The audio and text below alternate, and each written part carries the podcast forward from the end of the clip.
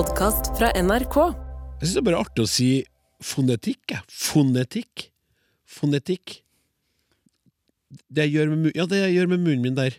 Ja, det har mange bevegelser, og du beveger leppen, du beveger tunga, du må ha luft ut for å få stemmen i gang, ikke sant? Og så får du forme deg ordet, da. Fonetikk. Ja? Fonetikk.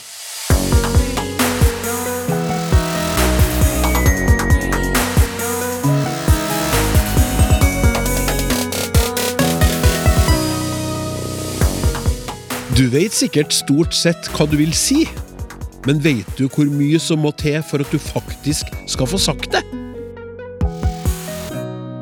Hjertelig velkommen til en ny sesong med Språksnakk.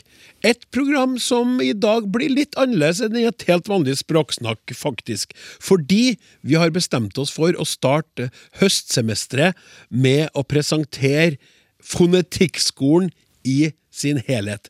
Fonetikkskolen, undrer du, som sitter der, og kanskje du som sitter der, mens ikke du som sitter der og der, for du og du vet hva Fonetikkskolen er eller hva, mens du og du lurer veldig nå. Derfor har jeg fått med meg Fonetikkskolens rektor, eh, undervisningsinspektør og eneste lærer, nemlig Olaf Husby. Velkommen. Takk, takk. Olaf, eh, du og jeg laga Fonetikkskolen i Språksnakk eh, i fjor. Ja. Eh, og det eh, var det mange lyttere som satte pris på. Jeg skal komme tilbake til det kort nå da etterpå, men si helt sånn, hvorfor, hvorfor er det viktig med, med å, snakke, å snakke om fonetikk? Ja, det er jo, altså Vi alle snakker jo på en måte fra vi blir født til vi dør. Og det her er jo da vitenskapen som på en måte avdekker hva det er vi faktisk gjør for å produsere de lydene som vi gjør.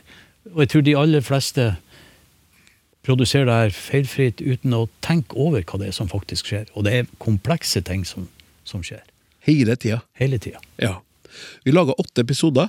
Ja. Vi presenterte fire på våren, og fire på høsten, da vi egentlig hadde lagt om litt i språksnakk og begynt med sånn spørsmål-svar.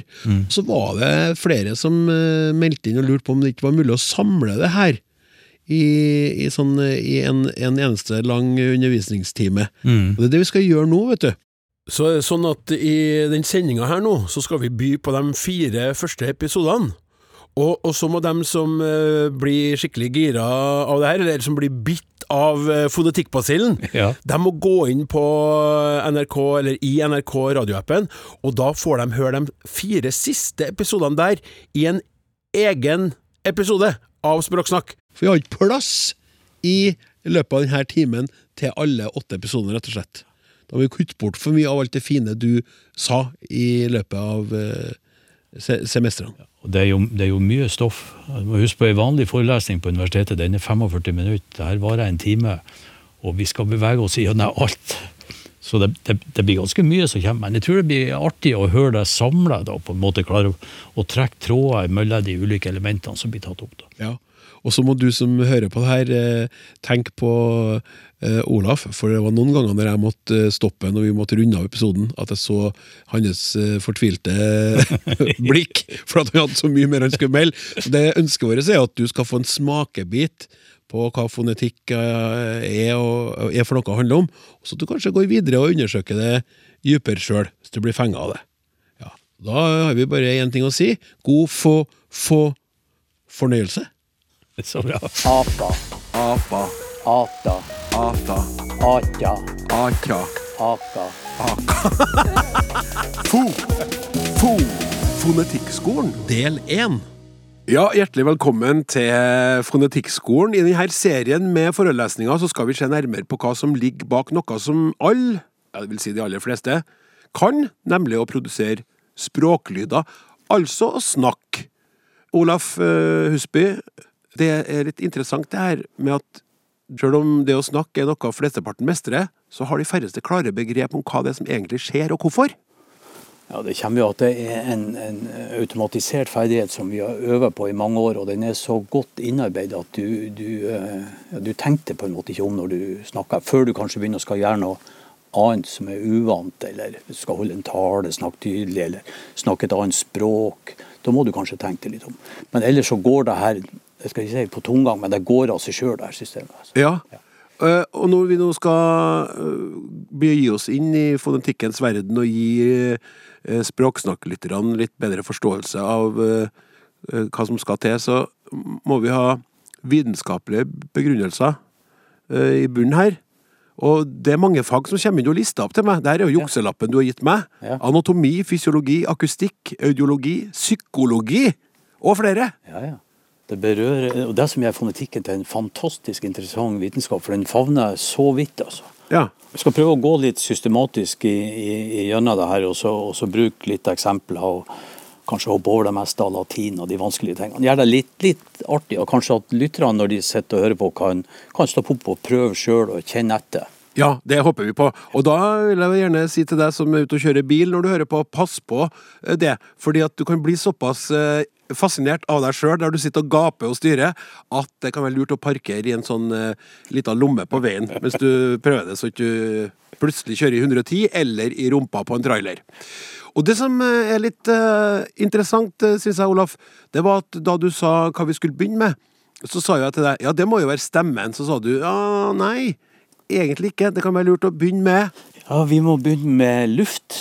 Luft, rett og slett. Ja, nei, for når vi, når vi kommuniserer, da, det skjer jo i, i ulike kanaler. ikke sant? Og, og, og for å begynne Altså En hund når den skal kommunisere med omgivelser, går jo og slår lens, ikke sant? som en annen hund kan lukte. Og så har du da eh, ja, folk som, som ikke som er døve, f.eks., når de skal kommunisere. De bruker bare visuell input, tegnspråk. Og Det bruker vi jo når vi leser. ikke sant? Jo, tegn vi, vi bruker. Og så har du jo dyrearter som kommuniserer ved hjelp av farge. Ja, jeg tenker med en gang på påfuglen. Ja, eksempel. Ja. Og, eller å blåse opp i størrelse. Ja. Men vi skal bruke en, en slags akustisk kanal, og for å, å lage stemmen, så må vi gå til luft. For, for stemmen er rett og slett eh, luft som det er lufta som, som frambringer den. Og det, det høres jo veldig enkelt ut. Ja, men det- det slår meg med en gang, at vi trenger luft. Og så husker du den der skrekkfilmen Alien? Da var jo slagordet til den In space, nobody can hear you scream. Ja, ja. Og det er jo selvfølgelig også fordi at det er det tomme rommet, men Ja. det er vel også umulig å skrike der ute. Ja, der er ingen, altså Når du ikke har en, på en måte et, et medium, en gass av en eller annen slag, så uh, energibølgen kan forplante seg, så, så høres det ingenting. Et stille skrik. Stille skrik. Det blir Ja. bare en grimase. Ja, Men hva, hva, hva vil du hva vil, Kjære rektor, inspektør og foreleser, eh, har du sagt alt du skal si om lufta, eller skal vi Nei, komme med noen altså- eksempler nå? da? La oss begynne med det. Altså, det vi, vi, vi holder oss jo i live ved å puste, ikke sant? Og denne pustinga som vi bedriver, den går på en måte jevnt inn og ut. Omtrent like lange de her periodene begynner på, utpust. Men når vi kommer i gang og skal snakke, så skjer det plutselig at da begynner vi å økonomisere med utpusten. ikke sant? Ja. En, du kan snakke ganske lenge på en utpust før du blir nødt til å stoppe og trekke pusten. Mm, Gro Harlem Brundtland. Ja, Ja. ikke sant? Men det er jo ingen som puster sånn et langt, kort innpust og så et forferdelig langt utpust, og så to korte. Så vi puster i, i rytme. Og da drar vi jo eh, luft eh, ned i lungene og skaper på en måte den vanligste formen for stemme. Vi presser luft ut av lungene, og det gjør vi jo med å, å bruke mellomgulvet og, og muskulaturen gjennom, eh, mellom ribbeina. Skape et overtrykk her nede, og så blåses det ut av munnen. Og så har vi noe det vi kaller stemmeleppen. De går i hop, og så begynner de å, å, å vibrere når lufta kommer. Det, jeg hører jo av og til folk si at de skal puste med magen. Ja. Vanskelig. Men det er, vi skal komme litt tilbake til det. Men altså, pust med magen er en metafor som betyr noe sånt som å ta det med ro. Vi Ja. puster ikke med magen. Lufta går ned i lungene. ja. Hvis du skal puste med magen, så blir du nødt til å svelge luft, og da kommer den opp som en rap. Bildet på det er vel det at hvis du for snakker veldig fort, da, så står jeg vet du, så holder jeg, jeg holder jo faktisk på å bli påkjørt i sted. Det var forferdelig. For jeg, altså, jeg er jo på sykkel, ikke sant? Jeg har glemt å ta på meg sykkelhjelm òg, da. Og da sier jeg rolig, rolig, rolig. Ja. Rolig. Pust med magen. Da vil jeg skjønne hva du sier. Men jeg puster ikke med magen. Nei, puster ikke med magen. Jeg fyller bare litt ekstra luft i lungene og roer meg litt ned. Så, så den vanlige måten å lage stemme på Og vi kommer jo tilbake, da, for den stemmen vi lager, den kan jo variere litt. Men lufta går ut. Men i Skandinavia og, og faktisk i den, på den nordlige halvkula så finner vi en måte å snakke på som er stikk motsatt. Vi snakker litt på innpust. Vi sier ja. Svensk. Ja, det er sånn. Ja, ja, ja. Og det er en sånn, eh, Jeg hører jo mange eh, av de utenlandske studentene at men første gangen jeg sitter sånn og prater, og vi drikker kaffe og sånn ja. Og så styr, «Å, Fikk du noe i munnen? Fikk du ei flue i halsen? Hva, hva det var som skjedde nå? Hvor, ble du redd? De har det ikke. De har det ikke. Mange som ikke har det her. Men det er et trekk som vi finner i, i, innenfor mange språk. Over i, i Nord-Sverige så gjør de sånn. De, de drar inn lufta, så bruker de Som et uttrykk for enighet? ja, ja, sånn, ja. I stedet for å si ja, så sier de ja. Og du får det til mye bedre. Du er fonetiker, vet du.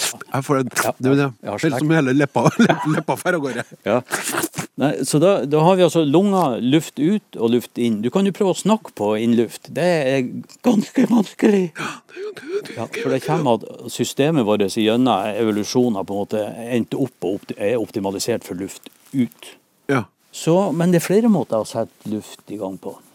Du kan, du kan, vi snakker om de stemmeleppen som er åpen når vi puster. Er- Hvor er det stemmeleppene? det der, altså, noen kaller det jo stemmebånd. Jeg, bruker å si stemmeleppe.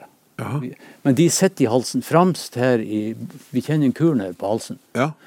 Da er det, er, sitter de sånn. De sitter som en ved med den spissen i V-en er f- her, her bak. Og så er de åpne, så du får en sånn En ganske vid ved, da. Ja, og da, Mm. gjennom den åpninga så puster de. Men hvis du da klemmer i hop føttene på V-en, så Ja. er det stengt. Og når du da begynner å presse luft ut her, da får du stemme. Ja, dere må ta, kjære lyttere, dere må, lyttere, dere må ta pekefingrene deres og sette dem mot hverandre eh, ved neglene. Og så vi, trekk ut, Ja. og så press, eller sett dem sammen. Så får du et bilde på hvordan de, fun de, de opererer. Den krafta der som du eh, presser med, Mm. eh, den er ganske kraftig. Eksempel, hvis du skal røyse deg fra stolen så lukker du antagelig igjen. Du, ja, du av, avstiver kroppen. Ja, riktig. Ja. Og da fikk hørte hørt den lyden Ja, laga. Det er sånn, det er sånn lyd som kommer etter hvert. Ja, Det ja, er aldri ja, ja. Nei, altså, det er jo klart at Men det blir en sånn pressa lyd, ja. Og det er for å avstive overkroppen. Ja. Du sitter på do, hva du gjør da? Akkurat det samme. Ja. Eller skal løfte noe tungt. Ja. Eh, Se på vektløfterne. når De løfter. De, løfter ikke med åpen munn som lufter ut. De stiver av kroppen også. Ja. Så det er ganske sterke krefter som da er i stand til å stenge av lufta. Og det her kan vi bruke på to måter for å sette luft i, i, i, i, bevegelse. Mm. På samme måte som altså Lungene setter luft i bevegelse. Du kan, løfte, du kan stenge, og så kan du løfte opp strupehodet. Og da får du en lyd sånn ja, Først så lukker jeg leppen, og så løfter jeg strupehodet. Ved overtrykk i munnen. Og da har du Der kommer den, ja. Ja, der kommer den. Ah. Og den er så sterk at hvis du har et stearinlys framfor munnen, så klarer du å blåse deg ut med Ja, det kjenner jeg nå på Ja, den P-en. ja, ja. jeg strakk på meg. Ja, ja, ja. Men der ser jeg jo igjen det med holdning. Mm. For at du sa noe stramme opp, rette opp. ja. At det er mye sånn noe du kan gjøre for å manipulere, eller Ja, hjelpe det. Ja, Hjelpe stemmen, da. ja. Og det her er, språk, det her er språklyder fra Tigrinja, eksempel, har de. Hvem? Tigrinja, språket Tigrinja.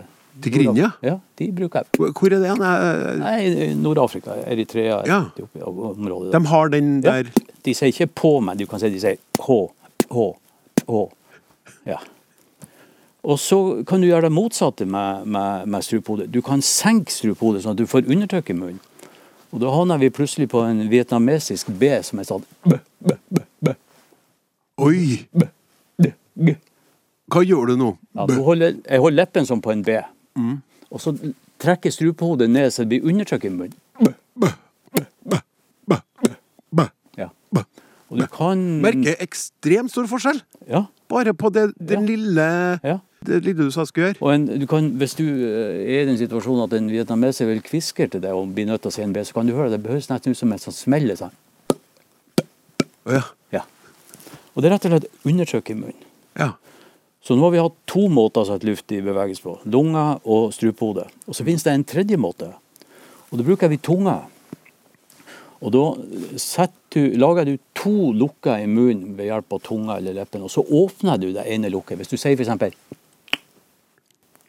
Ja, Det er jeg dårlig på. klikk heter det. Kan du- du- Der. Ja. Når du skal få hesten til å gå. Ja, det er, Ja. det er et klikk. Og når du snakker, når du snakker med, med ekorn, hva du gjør da? Snakker med ekorn? Nei, det vil ikke jeg. sant. Du, det vil ikke jeg si til det norske Nei. radiofolket. Men snakk- Er du, er du, er du ekornhviskeren nå, Ja, sånn. Ja! Nøtteliten. Ja, ja, ja, ja. Det er et klikk. Ja. Og, og eh, det var jo fløypa en stund med at denne lyden her, så en sånn susselyd, Mhm. at den ikke fantes i noe språk. Men man lager likevel et symbol for den. Det er en rund ring med en prekk i midten, så det ser ut som en munn som er klar til å ja. Ja. Men nå er det dokumentert. Det er òg språk som har den klikken. ja. Og eh, ja, Det er jo språk i, i, i, Sør-Afrika. De har jo verdens rikeste inventar av språklyder. De har 141 språklyder. Med 100 mer enn Norge, enn norsk. Og, og de er fulle av de her klikkelydene. Ja, for nå, for nå driver du jo Ja, språklyder kaller løpe, det, for at vi har Ja. fortsatt ikke kommet til en eneste setning som vi kan forstå. Det er lyder som kommuniserer. Ja. Så vi forstår Og- hva det betyr, da. Så, og det, det- det betyr at de her lydene de inngår i ord. Så hvis du bytter f.eks. fra å til å, så har du sagt to forskjellige ting. ikke sant?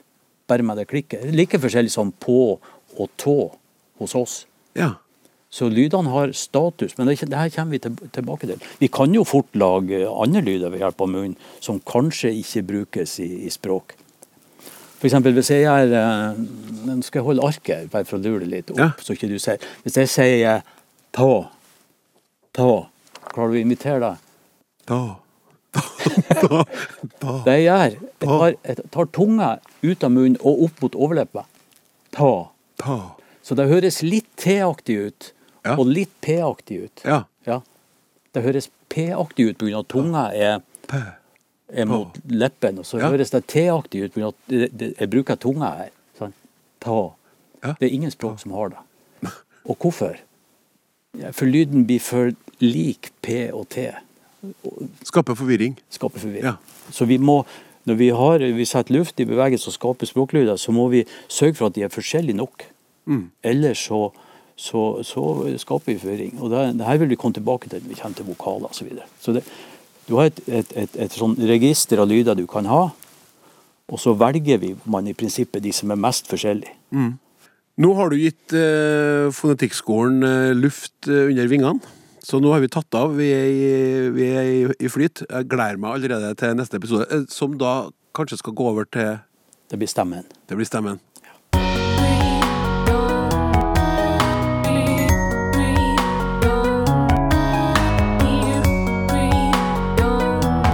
Fonetikkskolen, del to. Og nå skal vi rett og slett til det som jeg bruker nå, stemmen. Ja. Jeg bruker jo luft òg, som vi lærte om sist. ja. Blitt eh, mye mer oppmerksom på det. Det var veldig artig. ja. Men stemmen, altså. Ja. Og her er det mye, Olaf. Jeg vet at det her har voldt deg litt hodebry. Ja. Hvordan skal du klare å si så mye som mulig om stemmen på den tilmålte tid? ja. Jeg ønsker deg bare lykke til. Jeg skal prøve å gjøre mitt beste for å hjelpe deg underveis. Ja. Vi, var i, vi nevnte lungene sist, altså, og vi, stemmen som vi snakker med når vi, vi nå her, luft ut av lungene, gjennom strupehodet og ut. Og i strupehodet så møter vi da, møter lufta da det her, det som jeg kaller stemmelepper, men som så mange kaller også stemmebånd. Bare, ikke- hvorfor, hvorfor kaller du det Nei, For det er ikke et bånd. Altså, det, det ligner mye mer på, på leppen her, Ja. egentlig, enn en, en, et bånd å forbinde med noe sånn flatt, stramt. Men her er Jeg har tenkt på det som noe flatt stramt, Ja. av, av den grunn at ja. de fleste sier Nei, nei, men det ligner mer på leppen. Okay. ikke sant? Ja. Greit. Når vi da skal snakke, så, så eh, legger vi de her leppene inntil hverandre, mm. omtrent som vi lukker munnen, og så spenner vi de litt. Og så varierer vi spenninga underveis når vi snakker, av tonen skal jo gå litt opp og litt ned. Og det er avhengig, omtrent som du sitter med en gitar, hvis du slår på en streng, ikke sant? og så strammer du og slakker, så får du sånn Ja, du har jo veldig sånn stemme. Ja. En, en, sånn, en sånn stemme som jeg syns synger. Ja, ja, går opp og ned. ja. Mens andre igjen kan jo ha ganske flate stemmer som ligger sånn i leie, og de er ofte bare her. Og nå er jeg skikkelig forbanna, og nå er jeg veldig glad. Kan du merke forskjell? Ja, men, og det er antakelig noe med si, registeret man opererer innenfor. Men altså, det å være menneske og snakke altså Du får de her Skjønner. springingene Så jeg snakker egentlig om noe annet. Det handler litt om mennesketype og sånne ting. Det. Ja. Dette er noe som vi, vi er nødt altså, Det å, å gå opp og ned det har en effekt på kommunikasjonen, for du bruker det til å understreke bestemte element i, av ord, f.eks. Mm. Men det, det skal vi komme tilbake til. Ja. Nå når jeg snakker da, og har satt stemmeleppene ihop og skal begynne å snakke, så slipper jeg ut luftbobler. Og nå skal jeg prøve å lage noen sånne enkle luftbobler. Det krever litt konsentrasjon, men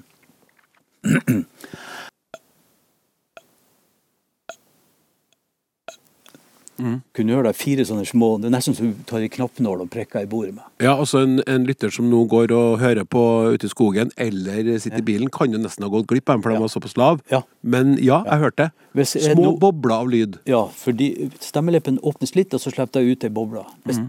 Det, ikke, det blir ikke lyd før du får en 20 sånne i sekundet. da begynner du å oppfatte det her som en sånn summing. Og hvis du stiger da oppover til 100 i sekundet, da er du på den stemmen som jeg har. Jeg har ca. 100 sånne bobler i sekundet. 100 svinginger 100 i sekundet? 100 hertz på stemmen min. Det har du òg, du er mann. En dame vil ha la oss si 180-200, et, et, et lite barn vil ha enda høyere. Og det kommer at en, eh, de stemmeleppene hos, hos menn er lengre, de er mer fyldige. Damer har litt kortere, litt tynnere, og barn har enda mindre. Og det, Bare tenk på en gitarstreng. altså den, den, den øverste tunge strengen svinger med mye djupere tone enn den øverste lette. Eh, og hvis du tar en eh, ja, på en streng og så flytter du fingeren opp på gitarhalsen, så blir tonen høyere. Ja. Så det er ren fysikk. Så når da, da eh, får stemmen ut, så kan vi jo lage forskjellige typer stemmer. For noen eh, altså, det, det ser vi fra språk til språk eh, at man kan manipulere stemmen for å uttrykke ulike ting. Hvis du, du har barn, ikke sant? Ja. Hvordan snakker du til en, den nyfødte ungen din sånn når du var én måned? Det er du, våken? Har du våkna, du? Ja, har du våkna, lille Lulli? Har du våkna, å, du er så god, å, du er så fin. Høy tone, kanskje helt opp i falsett. Ja. Ja. Å, men har du våkna allerede? Du har jo sovet så lite, og pappa har også sovet så lite. Og nå er du våken igjen. Så den, det er en stemmekvalitet som vi bruker. Det pussige er jo akkurat den stemmen der, den slutter du sannsynligvis å bruke når ungen din var kanskje seks måneder. Ja. Så det er enda sånn sosial læring du, du, hvis, hvis du bruker den på bestemte voksne, så er det kanskje en, enten en form for en provokasjon eller hjerting eller noe sånt. Ja. Min stemme nå, det man kaller en sånn fullregisterstemme eller brøststemme. Hele stemmeleppet eh, svinger, begge stemmelepper. Men hvis du ved hjelp av muskulatur snevrer inn sånn at bare midten av de svinger litt, grann, så får du den falsettstemmen. Ja. Og i, i det finnes språk hvor når du ber om unnskyldning, så går du over i falsett. Du er liten ja. er, Unnskyld. Ja. Unnskyld. Det var ikke meninga. ja. Ja. Mens til oss så ville det kanskje det ha blitt uh, sånn Den der unnskyldninga, den kjøper ikke jeg. Nei. Nei. Nei. Og så har vi jo en, en, en tredje veldig vanlig måte, men det er jo egentlig et fravær av stemme, og det er jo når vi kviskrer. Ikke sant? For da tar vi stemmeleppen så nært at det blir friksjon. Ok. Altså Når vi blåser luft ut imellom dem, så blir det en sånn Ja. Og så snakker vi på den, den friksjonen. Så det blir kviskring. Ja. Det er jo en, en helgelending som var i radioen før på sen kveldstid, som hadde en veldig koselig og varm stemme. da. Luftfylt, og nå spiller vi plater og koser oss. Og Det kaller vi for en luftfylt stemme. Det betyr at stemmeleppene de svinger litt saktere, og så er det ikke så veldig godt lukket i bølla så luft siver hele tida ut. Utrolig artig beskrevet, for en veldig koselig stemme. Ja, det er en God veldig koselig stemme. Og da er luft som hele tiden siver ut. Ja, Ja. Du har ikke sånn tydelige lukker mellom hver av boblene. Det blir ikke en sånn komplett. Og det finnes språk da, som utnytter det her, og hvor, hvor på en måte ba og ba er to forskjellige ord. Ja. Ba, ba. Ja, Det er to forskjellige ord. Det ene betyr pil, og det andre betyr hest, f.eks. Og det er kun stemmekvaliteten som viser hva det er betydninga. Men hva vil du da si, hvor en sånn Når de har de her stemmene som er mer her, Ja, og nå- strammere, og hei sann, hopp sann, hvor det går Det er noe Ja. litt sånn filmavis, Ja. men det er jo fortsatt folk i dag som har det. Altså, Jeg syns jo det er veldig vanskelig å forholde meg til deg nå, som sitter med all denne luften på stemmen og er sånn natteperson midt på dagen. Nå strammer du til eh, stemmeleppen. Mm. Og så de får en mye, I stedet for en rund, fin profil, så får de en mye kvassere eh, profil. Og hvis du fortsetter med det, så ender du med knirk, vet du. Eh, Ja. Hvor du får veldig lange eh, eh, lukninger og så korte åpninger. Og jeg, jeg kanskje forteller å snakke med knirk, men det, ja, det en, det en, jeg, jeg syns ikke det er en sånn behagelig stemme. Nei, det er akkurat det Ja, å tenke sånn er det, er det en kulturelt betinga greie? Fordi at du hørte den første stemmen du sa, det er sånn typisk sånn nattønske. Ja, Den kan ja. vi høre på om natta, men du hadde ikke villet sagt Da skal vi spille en ny godlåt her til alle dere som er ute og kjører i vinternatten på norske veier. Vi smeller i gang med E6 med DDE. Det hadde jo ikke eh, vært noe hyggelig i det hele tatt. Du holder, er no, sånn? holder lytterne våkne, i hvert fall. Ja, det er sant. Det gjør man. Ja, nei, det, og det er det, På samme måte, altså Du kan også bruke knirkestemme for å lage på en måte nye ord. Men, eh, men det, det er noen sosiale konnotasjoner med den. Og jeg har en, en, en kollega som, som sa at uh, Det korrelerer med, med Eller går i, i, i takt med økende lønnstrinn. Altså, dess større makt og innflytelse du har, dess mer knirk bruker du når du snakker. Om det er tilfellet Det er ikke forska på det. Nei, ikke så jeg vet. Nei. Men vi ser jo at, at knirkestemme F.eks. amerikanske eh, unge jenter er jo kjent nå for å bruke mye knirkestemme. Så hvis du går på de her Kardashian og, og, og, og ser på de når de sitter og snakker om hvor vanskelig deres liv er, Ja. så er det mye knirk, altså. Ja. Så det er nok et sånn kulturelt trekk. Eh, Hva de signaliserer, vet jeg ikke, men det burde man skal signalisere at man er ung, rik, amerikansk uh, jente. I thought he loved me, and he did not. And I was Veldig- like, I was veldig- like so unhappy in Ja. those days, and I was like, I d- didn't ever think I'm gonna be happy again, and Ja. but I was Ja. because it came another guy, and he was richer. Unnskyld. Litt for ivrig elev her nå. Jeg syns det er så artig. Olav. Eh, du, du hadde jo bra trøkk på stemmen stad når du annonserte denne plata til de som var ute og kjørte bil om natta. Og det er jo et sånt spørsmål, Hvor sterk er egentlig stemmen sånn rent Hvis vi begynner å måle den med, med fysisk Måle den i watt, f.eks. For du kan jo Det er jo ingen fare å Du roper jo til en som står 100 meter unna hvis på en måte vin og forholdet Og kanskje hvis du står i ei gate hvor det er vegger på sida, så, så kan du rope over enda lengre avstand. Stemmen har inneholdt veldig liten effekt. altså en, en vanlig stemme på, på full guffe er ca. En, en tusendels watt.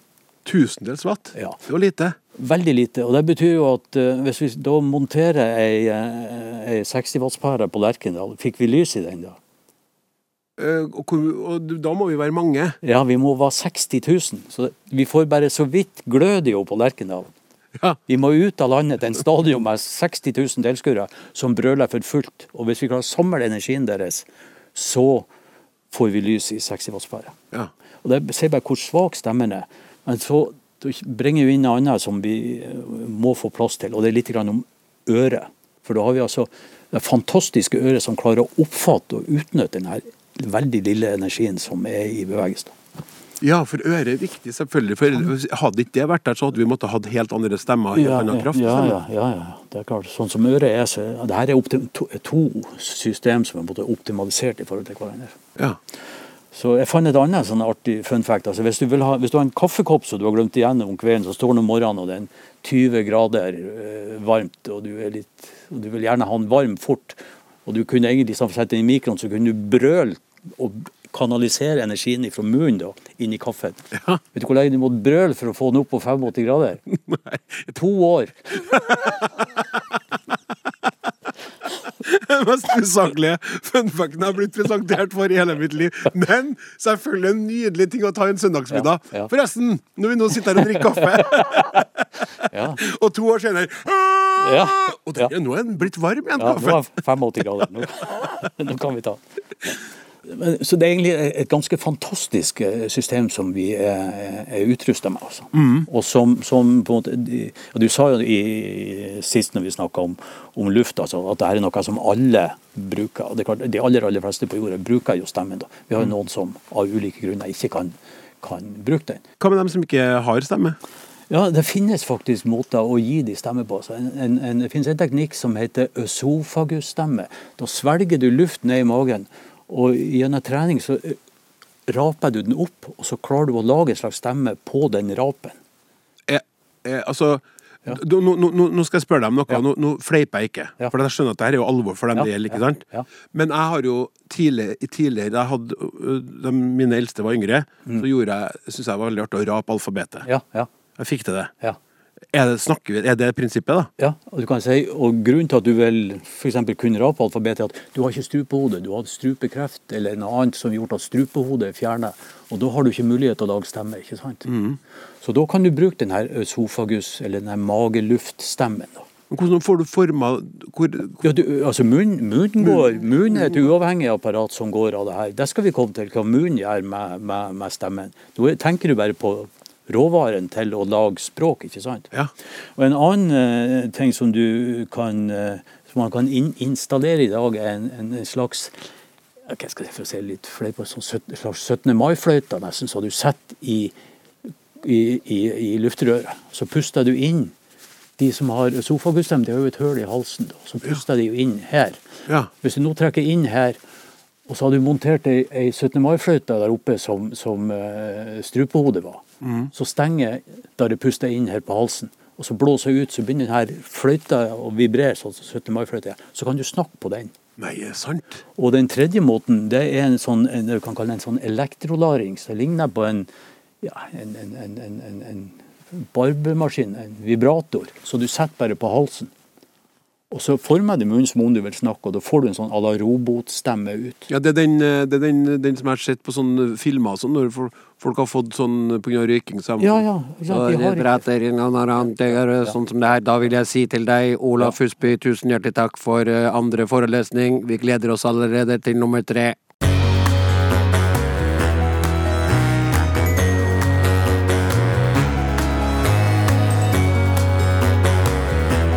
Fonetikkskolen, del tre.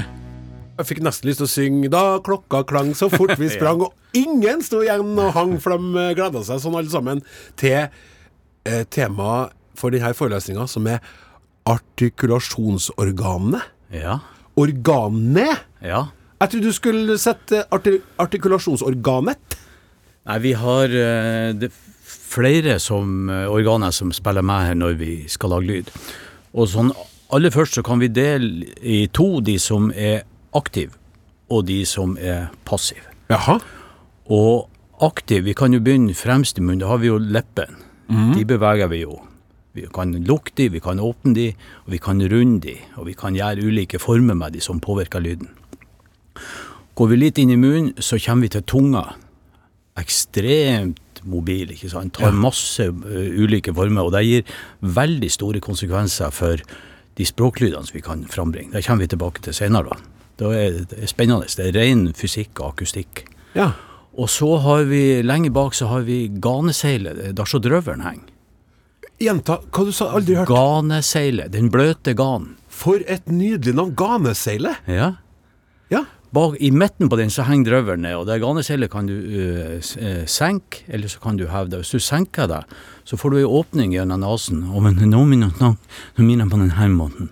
Det er det det man når du senker ganeseilet? Ja, og det er jo Kan du senka ganeseilet nå? Ja, nå har du senka det. Ja. Og det er jo noen da som er født så uheldig at de har uh, ganespalte, eller åpen gane. Ja. Sånn at de tidlig, at de får den der klangen på stemmen. Og da er det gjennom en rekke operasjoner så får man på en måte stengt den åpninga, og så får man kan man da bruke andeceller på normaltvis å stenge av og åpne opp. Det, det, nå hørtes det kanskje litt sånn, sånn fleipete ut jeg gjorde, men, men det her er Når jeg skal si eksempel mm, mm, videre, altså mye, nye, så må jeg ned med ganeseilet, og så må M-lyden og N-lyden ut nesen. Ja. Ja. Så da gjør vi den der som vi parodierte litt, eller? Så, ja. så den går liksom opp og ned etter, etter de lydene du skal lage. Kan jeg stille et lite spørsmål, eh, kjære rektor, eh, inspektør og foreleser Ja. Olaf Husby?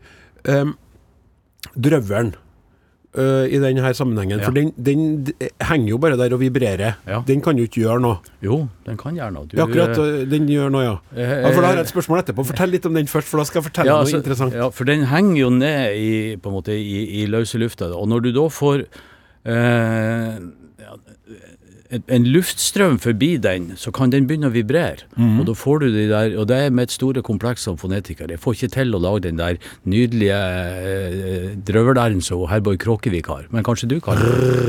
Der har du det. Ja. Sjø den regredrer Er det der? Nydelig. Og det er det med drøvel- drøvelen med, da? Ja, det er drøvelen som slår fram og tilbake mot, mot uh, baksida av toppen av svelget. Altså. Fordi, du skjønner, det jeg vet ikke om det her går utafor. Det her har vi ikke planlagt på forhånd, så hvis du må melde pass, så bare gjør det. Mm. Ja. Jeg har innimellom, det skjer heldigvis ikke ofte, det jeg kaller snorkedrøvel. Ja. Det at jeg, det er knytta til inntak av alkohol kvelden før, legger Ja, meg og sover, ja. våkner opp om morgenen, så har jeg liksom fått, blitt sånn tørr baki Ja. systemet, sånn at sånn drøvelen har liksom Ja. klistra seg fast Ja, til ja. Og så har den blitt veldig stor, som en boksesekk plutselig bak her. Oi. Ja. Har du hørt om det før? Ja, Du ja. kjenner til fenomenet. Jeg kjenner godt til fenomenet. Det er veldig ubehagelig, men Ja. det, jeg føler ikke at det påvirker stemmen så veldig, men det er Nei. utrolig snodig Det er jo en komponent i snorkinga at, at du kan få drøvelen til å vibrere, men òg hele ganecellet der bak til å vibrere. ikke sant? Og når du holder på med det i åtte timer, da, så er det ikke rart at det blir litt hovent og Akkurat. tørt og, og ekkelt. altså. Ja, det var en avsporing, da. Men, eh, Så drøvelen er også en, eh, et artikulasjonsorgan. Ja, du kan si den er aktiv når du lager den type eh, språklyd som på norsk forbindes med en R. Ja. Ja. Det kan være andre språk hvor den kan være en variant av andre lyder, men på norsk er det der en slags R. Og det er jo litt spennende at jeg sier R-en med å bruke eh, tungespissen. Mm På R. Nordvestlandet så sier de R med at tungespissen vibrerer, men når du kommer litt lenger ned på Vestlandet, så får du plutselig de R-ene at det er drøvelen som har tatt over. Ja. Rr. Ja. Jeg, regner med at du prater om de som blant annet prater Ja. sånn. Ja. Ja. Så nå har vi de, de artikulasjonsorganene som er aktive. Og så har vi de som er passive. Og det er de, det er de som eh, på en måte, de aktive søker imot når vi skal lage språklyder.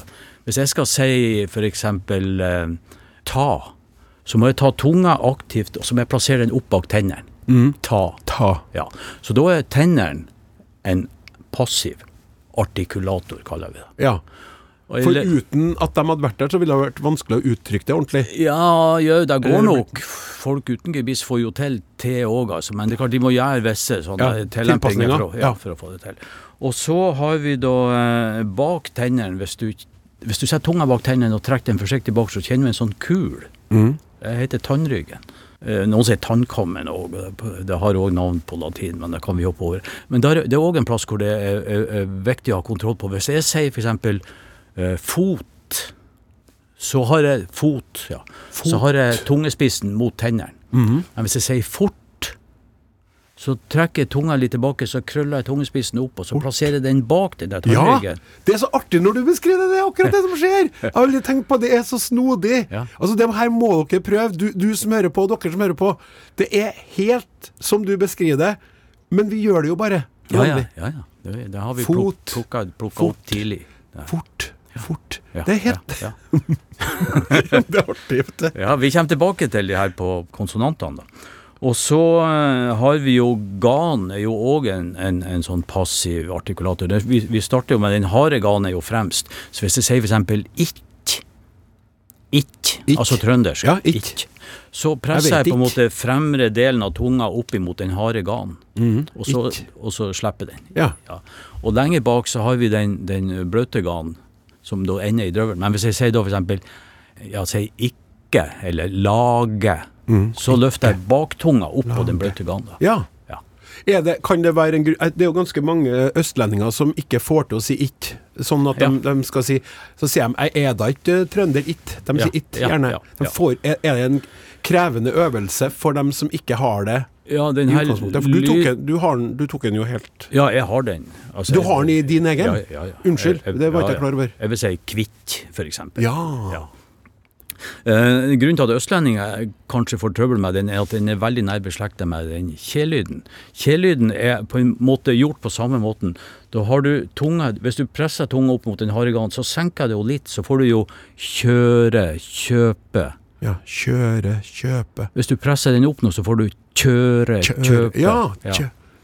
Og hvis du da får trøbbel med kjelyden og bytter den ut med og det blir kjøre og kjøpe, så ligger det på en måte i kortene at den der trønderske itten kan være litt vanskelig. Altså. Ja. Så de, her, er, her er familieforhold inni munnen òg. Altså. Nå har vi jo gått grovt gjennom det her. og Vi, eh, vi snakka om det som heter artikulasjonssted. Artik artikulasjonssted. Ja. Ja. Det finnes jo tabeller som viser på en måte språklyder eh, i ulike språk, og de setter vi da inn, og så deler vi inn da, konsonantene etter artikulasjonssted. Så vi starter med leppelyder, lyder med leppe mot tennene. Hvis jeg sier F, F. F, så har jeg tennene her i overkjeven mot underleppa. Man kunne jo tenke seg at man, noen språk gjorde det omvendt, de gjorde sånn F. At de tok tennene i underkjeven mot overleppa. F. F. Finnes ikke. Gjør ikke det? Nei, det blir for uøkonomisk, for du må på en måte ut med kjeven. Og, Ja. Så du tar, snarveien er jo F, ja. Veldig effektivt. Ja. Så den første kaller vi da på latin bilabialer, sånn to leppelyder. Den andre her, F, kaller vi for labiodental, leppetannlyd. Labiodental. Ja, nydelig. og så går vi da bak til tenner. Dental, det kjenner vi jo igjen det fra engelsk dentist. ikke sant? Og så får vi tannryggen, så får vi den harde ganen, så får vi den bløte ganen, så får vi drøvelen. Og så kan vi gå tilbake til, eh, til svelget, for du har jo språk da man presser tunga bakover. Har, har. Et slags hark. Et slags hark. Ja. Nå begynner det å bli litt sånn Star Wars for meg. Ja. Ja, ja.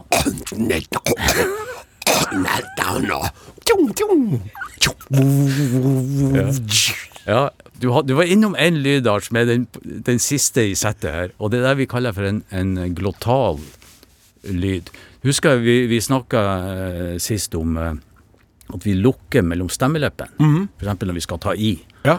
Og da har du jo en, en, eh, noen språk da som Vi, vi gjør det i norsk òg. Hvis jeg skal ro eksempel A-E-I høyt, så gjør jeg sånn A, og du hører det starter med sånn Jeg går rett, det blir ikke sånn A-E-I, men det blir A-E-I. ja. Den som er før A-en, er regna som en språklyd.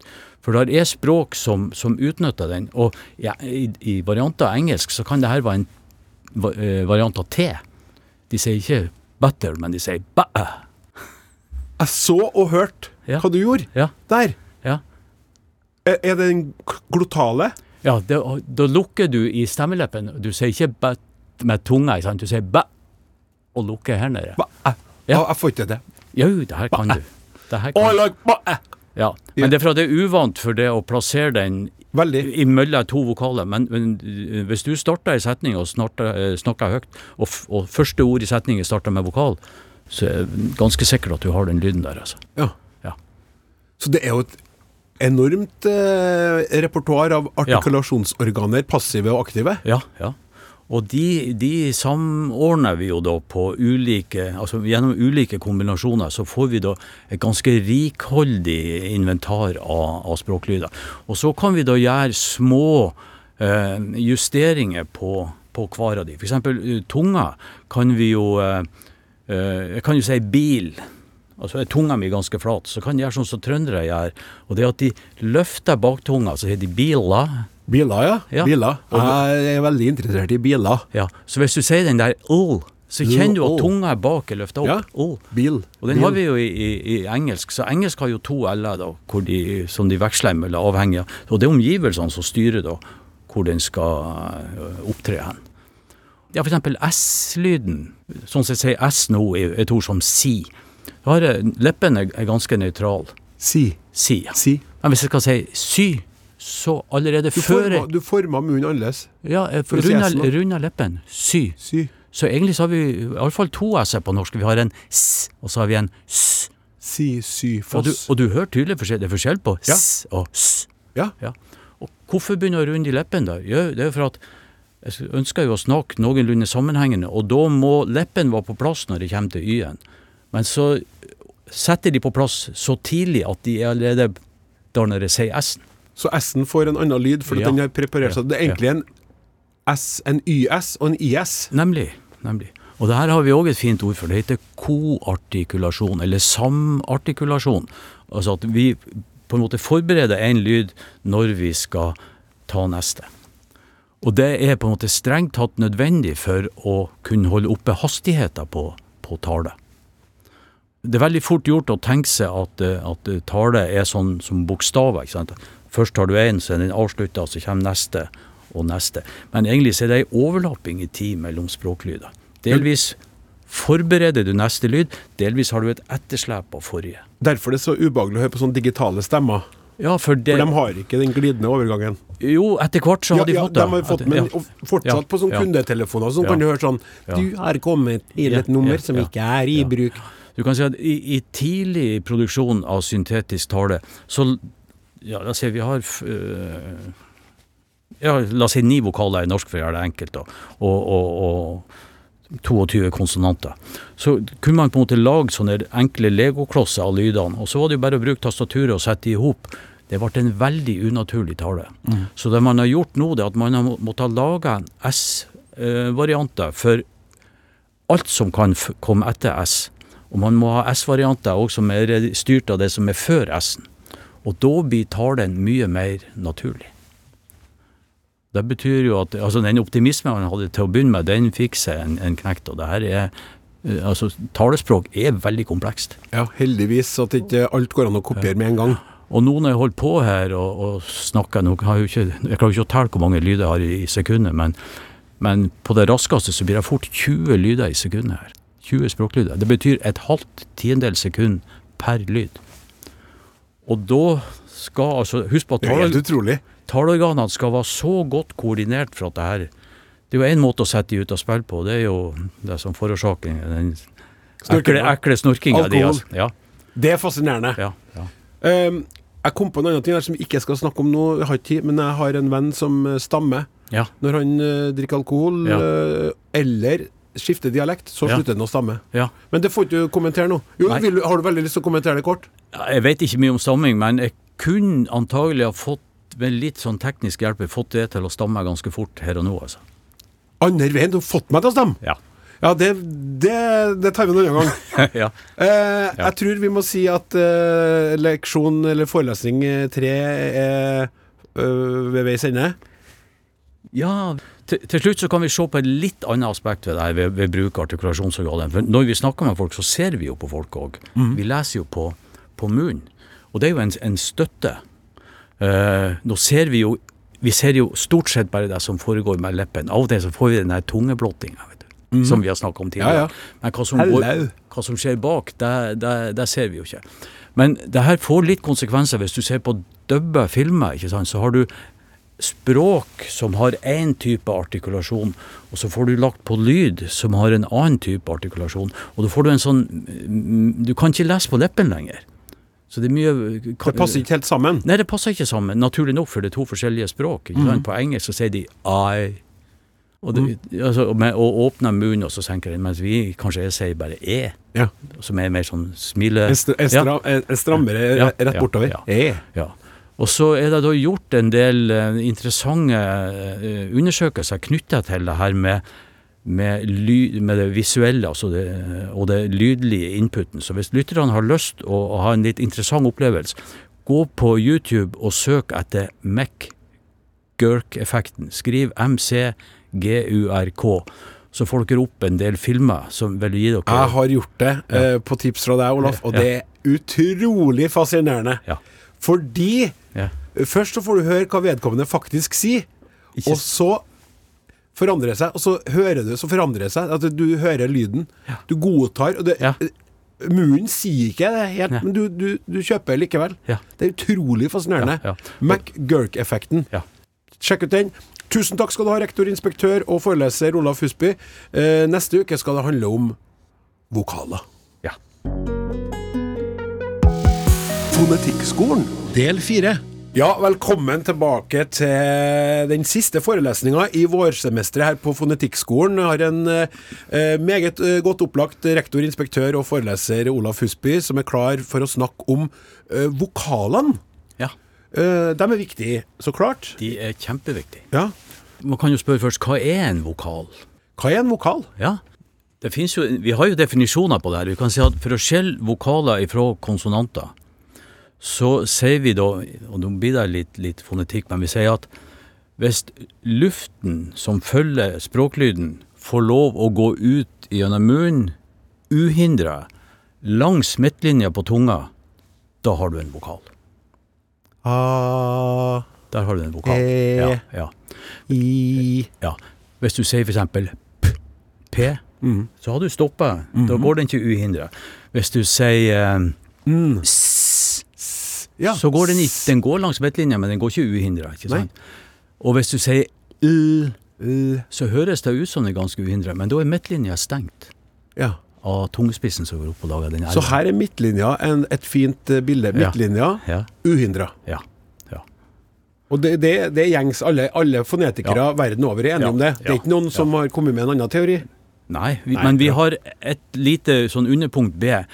Vi kan òg tillate at vokalen går ut gjennom nesen samtidig, at du får a, e, Litt som vi snakka om i, i forrige, Ja. forrige forelesning. Ja, ja. Ja. Så denne definisjonen stopper ikke at du kan ha nesehula åpen, for ellers vil jo de franske vokalene ikke komme inn under eh, vokalsamlinga vår. da. Akkurat. Ja.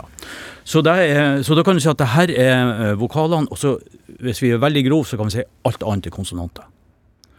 Det er en, noen få lyder som er en sånn mellomkategori, og det er f.eks. j, j-lyden, og den engelske w, som i what.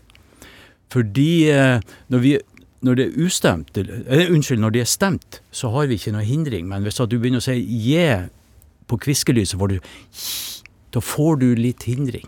Ja. Så de kan si de er vokal, nærmest vokaler når de er stemt, og så er de nærmest konsonanter når de er ustemt. Så de danner ei lita gruppe som vi kaller for halvvokal. Halvvokaler. Jeg, ville, Ja. trodde det skulle være hybrider, men Ja. eh, halvvokaler. Ja, nei, jeg kan by på flere navn på de der. Altså, vi kaller det òg for approksimant. Altså at det er to ting som er tilnærmet hverandre. Så, er så L-en i den terminologien heter da en lateral approksimant. Lateral approksimant. Ja. Som kommer fra approximately. Ja, altså to, to approach altså, Ja. ja. antagelig, altså to approach Altså at du kommer ganske nær. Ja, sånn approach, ja. Tenk på Ja, men det er mulig du har rett, at Ja. det er approximately. Ja. Ja, ja. Så da har vi på en måte de to gruppene, vokalene og konsonantene. Og konsonantene skal vi gå inn på, på senere. I, Jeg lurte på en ting, Olaf. Ja. Hvor mange konsonant... Nei, vokaler finnes det i språk? varierende. Ja. Det finnes eh, I norsk har vi Nå blir det litt teoretisk, men vi har i alle fall ni. Men så har vi lang og kort vokal. Og da kan noen, noen vil da si at vi har ni ganger to, at vi har 18 vokaler. Og det plasserer oss helt på toppen i, blant verdens språk, altså blant vokalrike språk. Å ja? Ja. Du kunne jo fort eh, doble antallet på de 18 ved å lage de nasal. Ikke sant? At du, I tillegg til å bare ta de ut gjennom munnen, tar de ut gjennom munnen og nesen. Da fikk du 18 ganger 2, 36. Det er ingen språk som har så mange. Og Grunnen til det er sannsynligvis rent sånn funksjonelt. Det blir så lett å blande de i hop. De blir, de blir, vi må ha rene kategorier. da.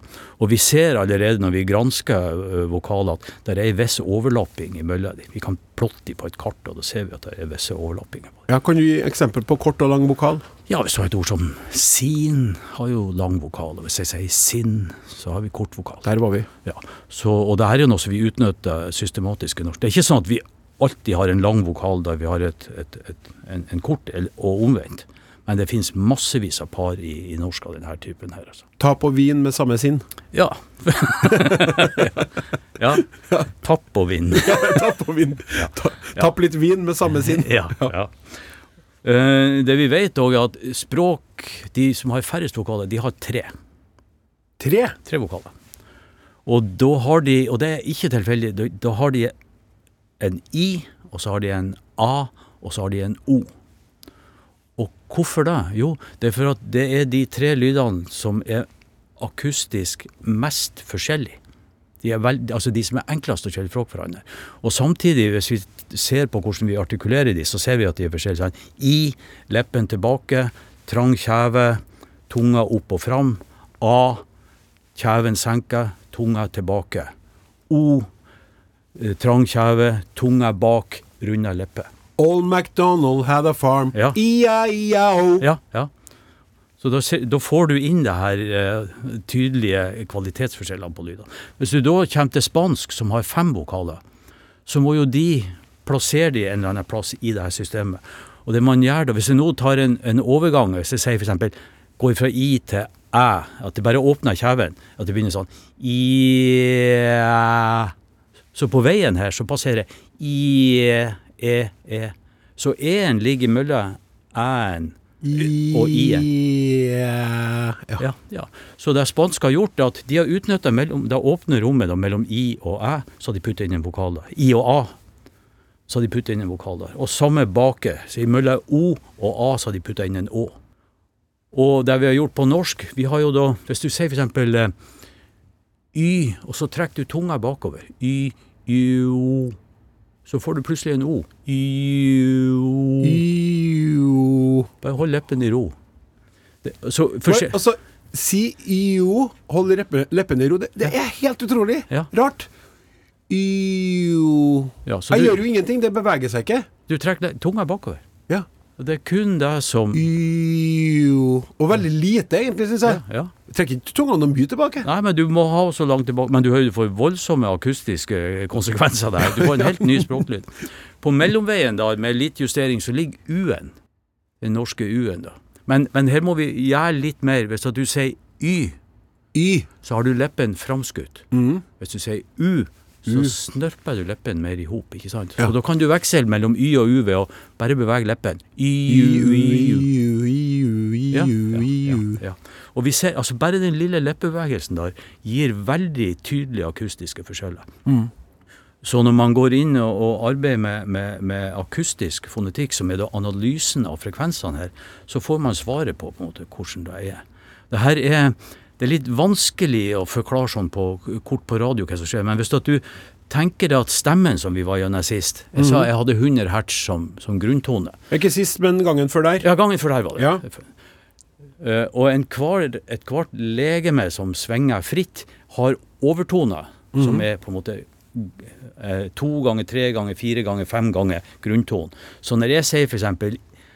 Eh, eh, så har jeg en 100 hertz, så har jeg 200, 300, 400, 500, 600, 700 osv.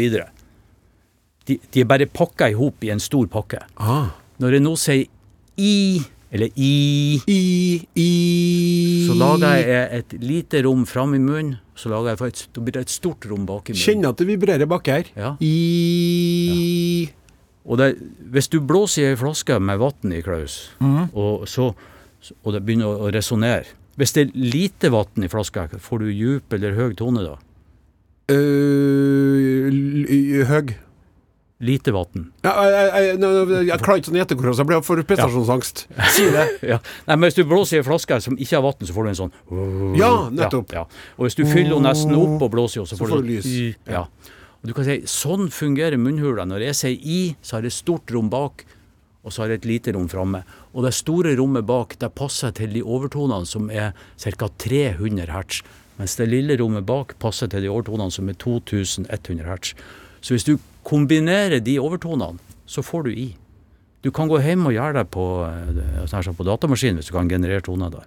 Så hver vokal har sine toner. De har et fingeravtrykk. Det betyr at hvis du lager, skriver ut sånne fingeravtrykk, så går det an å lese. Aha, det der er en A, det der er en I, det er en Y. Y, Da får du enda et, et, merke på det. Du, men, I tillegg til det uh, veldig fascinerende du Ja. sier nå, så tenker jeg jo også på det du snakka om sist med den McGurk-effekten. Ja. Fordi når du står og viser meg nå, Ja. og lager de her uh, forskjellige lydene og ja. bokstav altså, det, det hjelper meg jo veldig, det visuelle. Jeg Ja. ser jo på det. Ja. Eh, og hvis jeg bare hadde hørt på Sånn som før. Så sånne filmer, Ja. gjerne amerikanske filmer, Ja. og så var det sånn at noen gikk og øvde seg på dem på italiensk eller fransk, Ja. og så var det sånn kassett den gangen. da det var, Nå snakker jeg tilbake til. When We Were Young, Ja. og da var det sånn eh, Ciao, ciao. Eh, eh, sant, ja, alt det der. Eller mm. uh, Voulez-vous coucher avec Ja, moi? Sånn, ikke sant? Og, og så hadde du Du så jo ingen. Du måtte bare gjenta på lyden. Men nå har du jo sånne der du lærer deg å også se. Det visuelle må jo hjelpe veldig. Det hjelper veldig. Ja. Og, og det som McGurk-effekten gjør, er jo at den forstyrrer det her. Altså forbindelsen mellom lyd og det visuelle. da. ja. Så eh, altså, det finnes jo noen teorier som, som på en måte prøver å forklare hva det er som, hva det er som skjer når vi lytter. Altså, når jeg ser du eh, snakker og, og hører din språklyd, så prøver på en måte hjernen min å rekonstruere hvordan måtte mine artikulasjonsorganer ha vært plassert for å lage den lyden som du lager. Mm -hmm. Og hvis du nå eh, putter en, en, en, en film oppå det her, altså hvis det ser feil i forhold til lyden, så blir det her systemet ødelagt. Altså. ja. Så man, eh, det var vel oppdaga noen eh, Man holdt på å teste eh, hjerneaktivitet på, på apekatter. Og så fikk de, det var vel en som fikk en banan å spise, og så målte man ok, nå er det hjerneaktivitet der i det motoriske senteret. I studio der så satt det, hvis noe historie er, forteller den korrekt, så satt det ei anna ape uten banan og så på den som spiste banan. Og hun hadde de her eh, sensorene på hodet. Og det viste seg hun fikk utslag på akkurat samme plass som den som spiste. Som måtte betyde, eller ble tolka som at hun gjenskapte på en måte motorikken i det som den andre apa gjorde. Ja. Og det her kan være med å forklare eh, hvorfor Eller hva som skjer når vi forstår tale. Unnskyld, unnskyld, jeg fikk sånn uh, utrolig lyst til å uttrykke meg på uh, sjimpans sjimpansisk. Ja. Og det her berører litt av det vi skal komme inn på senere. Altså, Hva er det barn er utrusta med når de blir født? Er de utrusta allerede sånn at de på en måte har innebygd, og det er jo teorier som sier det i dag, barn har innebygd i seg alt av språklige muligheter. Og så er det bare inputen som bestemmer hvem av de som skal aktiveres. Så når de begynner å observere, så er de tidlig ute med å plassere De har trøbbel med motorikken til å begynne med, ikke sant? Og så når du, når du uh, sier det her Det her er jo det som kalles på engelsk for en cliffhanger. Mm. Har barn alt som trengs idet de blir født? Mm. Kommer vi med det ut i livet? Eller gjør vi ikke det? Mm. Det skal vi jo ta for oss i høstsemesteret. Det skal vi ta i høst. Eh, kjære rektor, inspektør og foreleser Olaf Husby, fonetiker og språkforsker, fortsatt tilknytta, som du jo er, universitetet. Ja. Det har vært en stor glede å følge deg gjennom eh, første semester i fonetikkskolen. Gleder meg allerede Ja. til eh, høstsemesteret. Ja, blir... Skal lære mer. Tusen takk. Ja. Ja, da har du hørt de fire første eh, episodene, eller leksjonene av eh, fonetikkskolen. Og ga det her mersmak, så må du da altså gå inn i NRK radioappen og finne de fire siste eh, episodene, eller leksjonene der, i en egen episode av Språksnakk. Jeg vet det her høres litt eh, forvirrende og annerledes ut enn det som er vanlig, men sånn er det altså, for at du skal kunne få hele den fantastiske rekka med eh, fonetikklærdom Eh, bruker du NRK radioappen, uh, rektor uh, Husby på Fonetikkskolen? Masse. Ja. Utrolig. Det er så hendig måte å finne fram til interessante ting på. Så jeg hører veldig mye på radio. Kommer du til å gå inn og høre på din egen fonetikkskole? Ja, kanskje, kanskje det er noe jeg har glemt i løpet av siste året. NRK radioappen, altså, hvis du vil høre resten av uh, Fonetikkskolen. Og så er det sånn at Språksnakk er tilbake i uh, normaldrakten fra og med neste uke. Så du kan allerede nå begynne å sende inn spørsmål til oss. Snakk krøllalfa nrk.no, eller SMS til 1987 med kodeord 'snakk'. Uh, uansett hva du lurer på om språk, inkludert fonetikk, send det til oss. Jeg heter Klaus Sonstad. Vi snakkes. Du har hørt en podkast fra NRK. Hør alle episodene kun i appen NRK Radio.